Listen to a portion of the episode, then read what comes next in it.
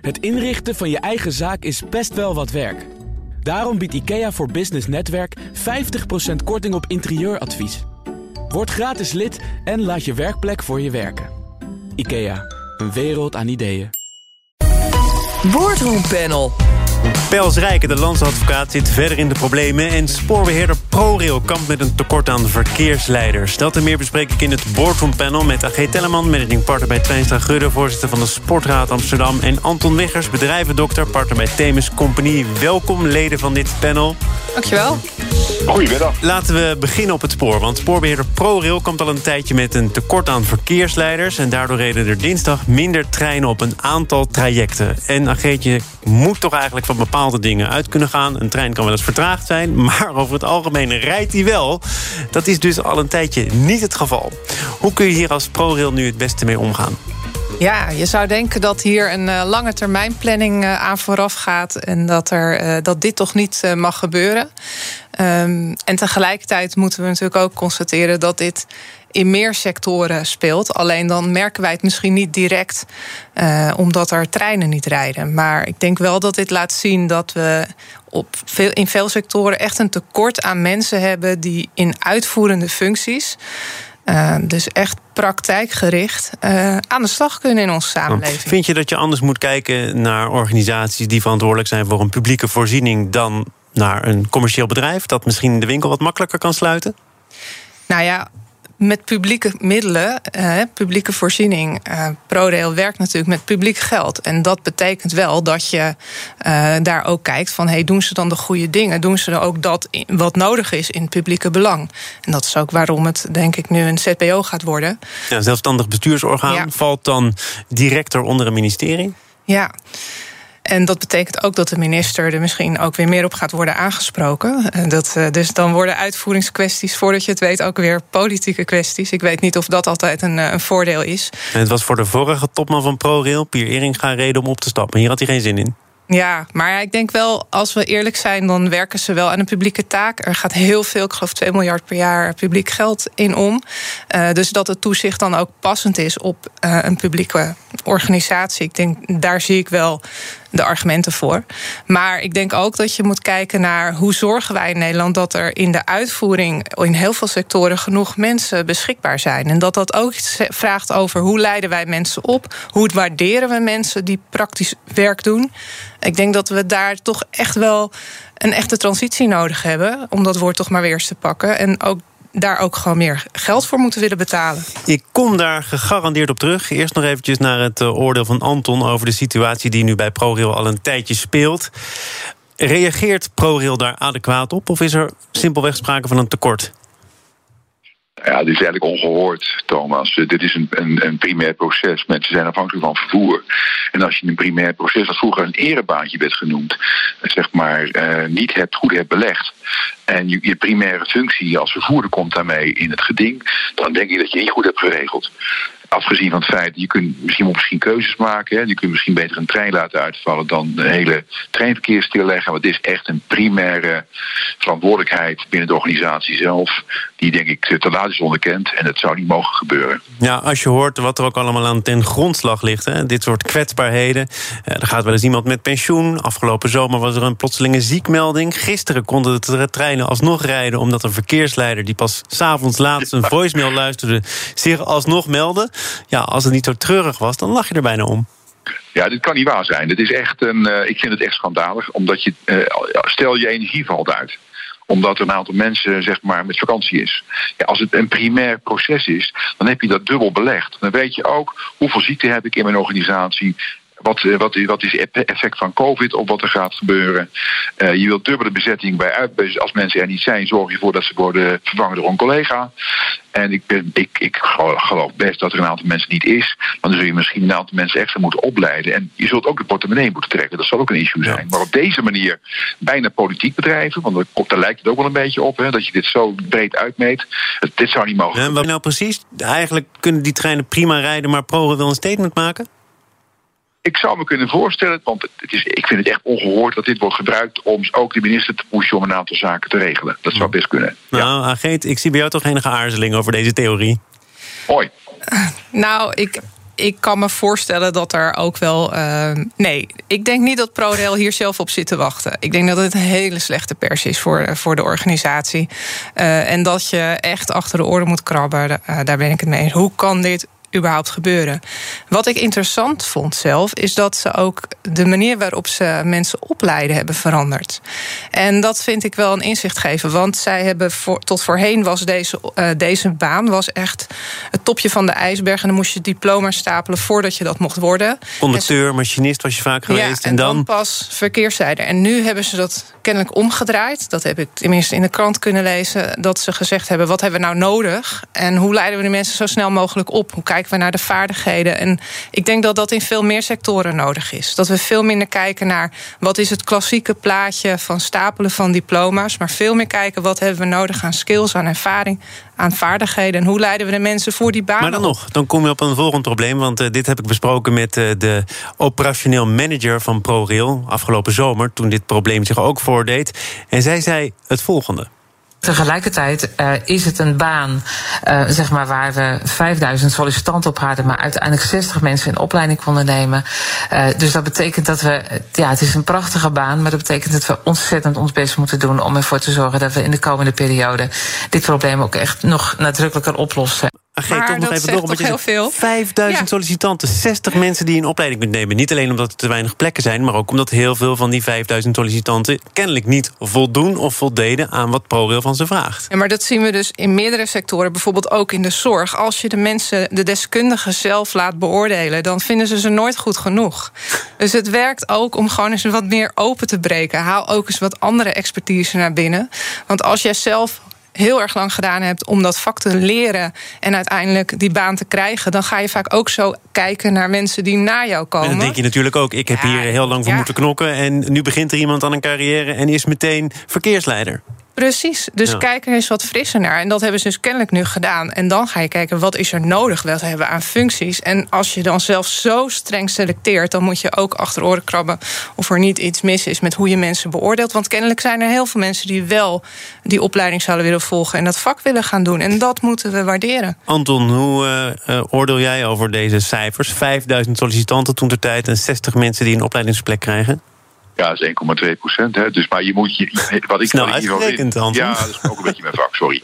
Maar uh, ik denk dat je, dat je moet realiseren dat op dit moment in de maatschappij. Uh, het, het, de snelheid gaat zo, zo hard. dat je moet overwegen om te zeggen: jongens, snel en goed genoeg is beter dan perfect en traag. Daar is namelijk het afrisico veel te groot voor. We gaan uh, naar een bedrijf dat al regelmatig is afgebroken en weer opnieuw is opgebouwd in het tweede deel van dit panel. En dat zou ik graag willen inluiden. BNR Nieuwsradio. Zaken doen. Thomas van Zeil. Het boardroompanel is te gast met AG Telleman, managing partner bij Twijnstra Gudde, voorzitter van de Sportraad Amsterdam. En Anton Wiggers, bedrijvendokter en partner bij Themis Company. En uh, er is een bedrijf dat wel een uh, dokter kan gebruiken. Aluminiumbedrijf Aldel verkeerde de afgelopen tien jaar meerdere keren in zwaar weer. Begin 2021 zag het vooruitzicht er nog rooskleurig uit met een toenemende vraag, gunstige marges, grote investeerder. En dan ligt nu toch de productie stil vanwege de toenemende energieprijzen en staan er heel veel banen op het spel. Anton, jouw medicijn? Ja, nou ja, normaal gesproken, zij dekken ook een energieprijzen in. En dat is hier niet gebeurd, omdat men zat te wachten op een toezegging van de overheid. Kijk, normaal gesproken is de vraag: kan ik mijn, kan ik mijn prijzen doorbelasten? Dit is trouwens een probleem wat heel breed speelt in, in de industrie. Uh, maar wat hier gebeurt is dat die, die, die energieprijzen zijn vertienvoudigd waar ze mee te maken hebben. Ze hebben dat niet ingedekt. Dus ze kunnen dat niet doorbelasten aan hun klanten, want die hebben, daar hebben ze contracten mee. CQ, de klanten gaan kijken naar partijen die het wel hebben ingedekt. En die zijn dus goedkoper. En dus gaan ze daar naartoe. Je bent die klanten dus ook kwijt, want het is een commodity product. Ja. Dus ja, ik denk dat dat een van de belangrijkste oorzaken is. Dus eerste medicijn zou ik zeggen, is probeer, ja, ga die prijs indekken. Daar is het nu te laat voor. Dus uh, de tweede oplossing is dat je moet gaan kijken naar het belang van deze industrie. Nou, het is al een paar keer doorgestart. Dus moet je of zeggen, nou, we trekken de stekker eruit, of niet. Het is, het is belangrijk voor, de, voor de, uh, ook de lokale economie. Maar wie trekt er dan de, de stekker uit? Is dat dan de Nederlandse overheid, waar alweer naar gekeken wordt? Of uh, zegt nou, een investeerder wordt, op een gegeven moment, nou, tot hier en niet verder? Nou ja, kijk, een investeerder heeft vaak een investeringspotje van x miljoen. En er komt daar vaak geen cent meer bij. Dat is een beetje het spel wat zij spelen. Ze hebben ook gezegd een kaart neergelegd bij de overheid. Jullie moeten ook wat doen, dan doen we ook wat. Dus uh, laten we zien wat jij in de skin of the game uh, kunt doen. Nou ja, de overheid, je hebt te maken met een demotionair kabinet dat heel weinig kan doen op dit moment. Dus dan speel je wel een gevaarlijke kaart, vind ik dus je, je gaat per definitie toch naar die overheid kijken hoe je dat op gaat lossen. Ik weet niet hoe je dat kunt doen in de zin van giften of een tijdelijke lening. want nu hebben ze gewoon de productie stilgelegd omdat het goedkoper is dan doordraaien. Dus je hebt wel je vaste kosten, je hebt je mensen die je moet betalen, je, huur en dat soort zaken. Maar dit is, het verschil is zo groot dat het bedrijf gewoon failliet gaat. Maar is dit dan uiteindelijk eh, terug te voeren op een hele trage formatie? Want om het nog even in stukjes op te delen... Uh, een kostencompensatieregeling die is er op Europees niveau afgesproken... omdat uh, energie-intensieve bedrijven meer betalen... omdat de CO2-uitstoot, de prijs daarvan, omhoog gegaan is.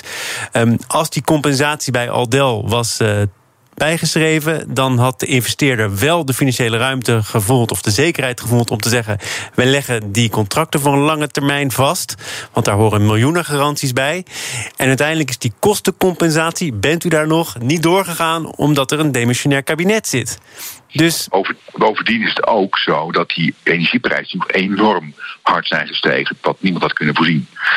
Uh, dus dat is een extra, extra complicerende factor, denk ik, uh, Thomas. Ja, maar die formatie is dus belangrijk en het feit dat dat niet ja. opschiet. Ja, zeker. Ja. Ageet? Ja, dat is in ieder geval een element. Hè, dat uh, ook die regeling, die compensatieregeling, hey, als omdat ze daar geen zekerheid op hebben, kunnen ze ook geen langere termijn contracten aangaan met energieleveranciers. En zitten ze nu met de gebakken peren. En er wordt dus ook heel erg gekeken naar, ja, kabinet schiet eens op. Uh, want hierdoor dreigen wij om te vallen.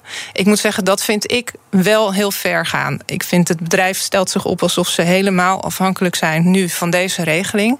Um, ze zijn al meerdere keren in zwaar weer geweest en ook eigenlijk door compensatie vanuit de overheid deels gered. Um, dan vind ik het wel zwak als je nu zegt: we gaan, hè, we gaan er misschien aan onderdoor. In ieder geval kunnen we deze tak van sport niet meer beoefenen naar de toekomst toe. En heel, moeten we de helft van onze mensen, of misschien zelfs wel meer, laten gaan.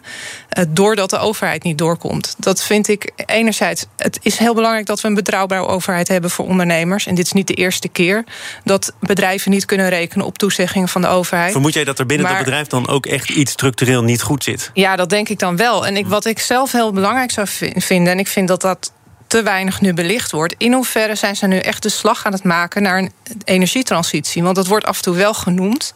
Zijn zij voor de, eh, de, de, nou ja, de banen in Groningen uh, cruciaal? Is het een sector die we anders dreigen te verliezen? Het is een hoog competitieve markt. Dus is dit reëel om in Nederland te houden? Er was sprake en van overproductie, echt... is niet meer zo. Hè? Kennelijk is de markt ja, aangetrokken voor Aldel. Ja, op korte termijn. Maar dat is ook maar een piekje in een hele lange termijn van uh, dat het eigenlijk uh, niet succesvol zijn in die markt. Maar het dreigt nu inderdaad juist heel goed te gaan. Maar zijn zij echt die slag aan het maken naar duurzame producent? En, en hun, want ze zijn in allerlei projecten aan het investeren, ook met zonnepanelen en dergelijke. hoe serieus is dat? En zijn ze ook daarmee een hele belangrijke factor in de toekomstige economie van Groningen? En dus ook belangrijk voor de banen in Groningen?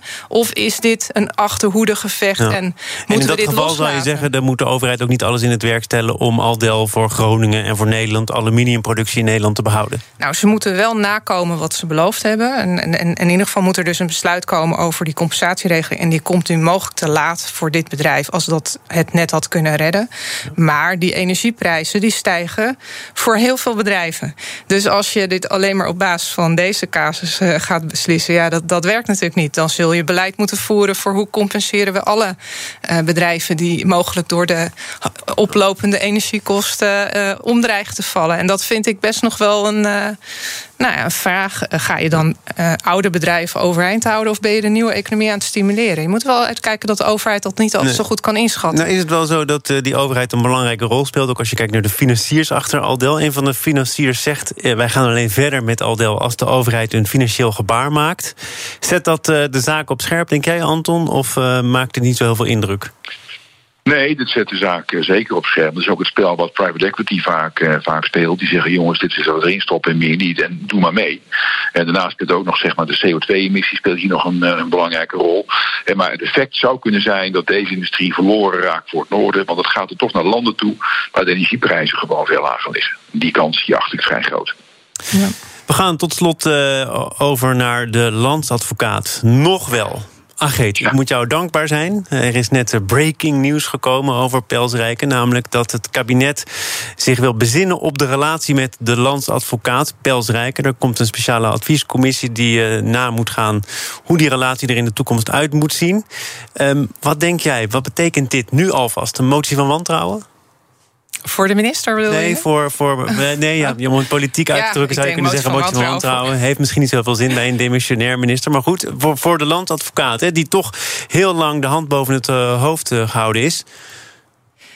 Ja, kijk, ik kan me voorstellen nu deze uh, landsadvocaat in zo in, uh, ja, eigenlijk, uh, in discussie is gekomen door allerlei praktijken die boven tafel zijn gekomen. Ja, dat, dat, dat daar ook in de Kamer vragen reizen over. Moeten wij nog wel met deze uh, landsadvocaat blijven werken. Uh, tegelijkertijd uh, denk ik, of tenminste, je ziet nu tegelijkertijd dat er überhaupt bezinning komt. Dit is eigenlijk de aanleiding voor een grotere vraag van moeten wij nog wel op deze manier een landsadvocaat willen? Dus het zijn echt twee verschillende dingen. Want je zou ook kunnen zeggen, nou, we gaan en dan, we gaan eens voor een ander. En dat misschien goed om even in verband te zetten. We, de landsadvocaat is al heel erg lang, al uh, ver in de vorige eeuw was Pelsrijk al. Ze zijn een gefuseerde advocatenkantoor. Daarvoor waren ook al de mensen eigenlijk van dezelfde.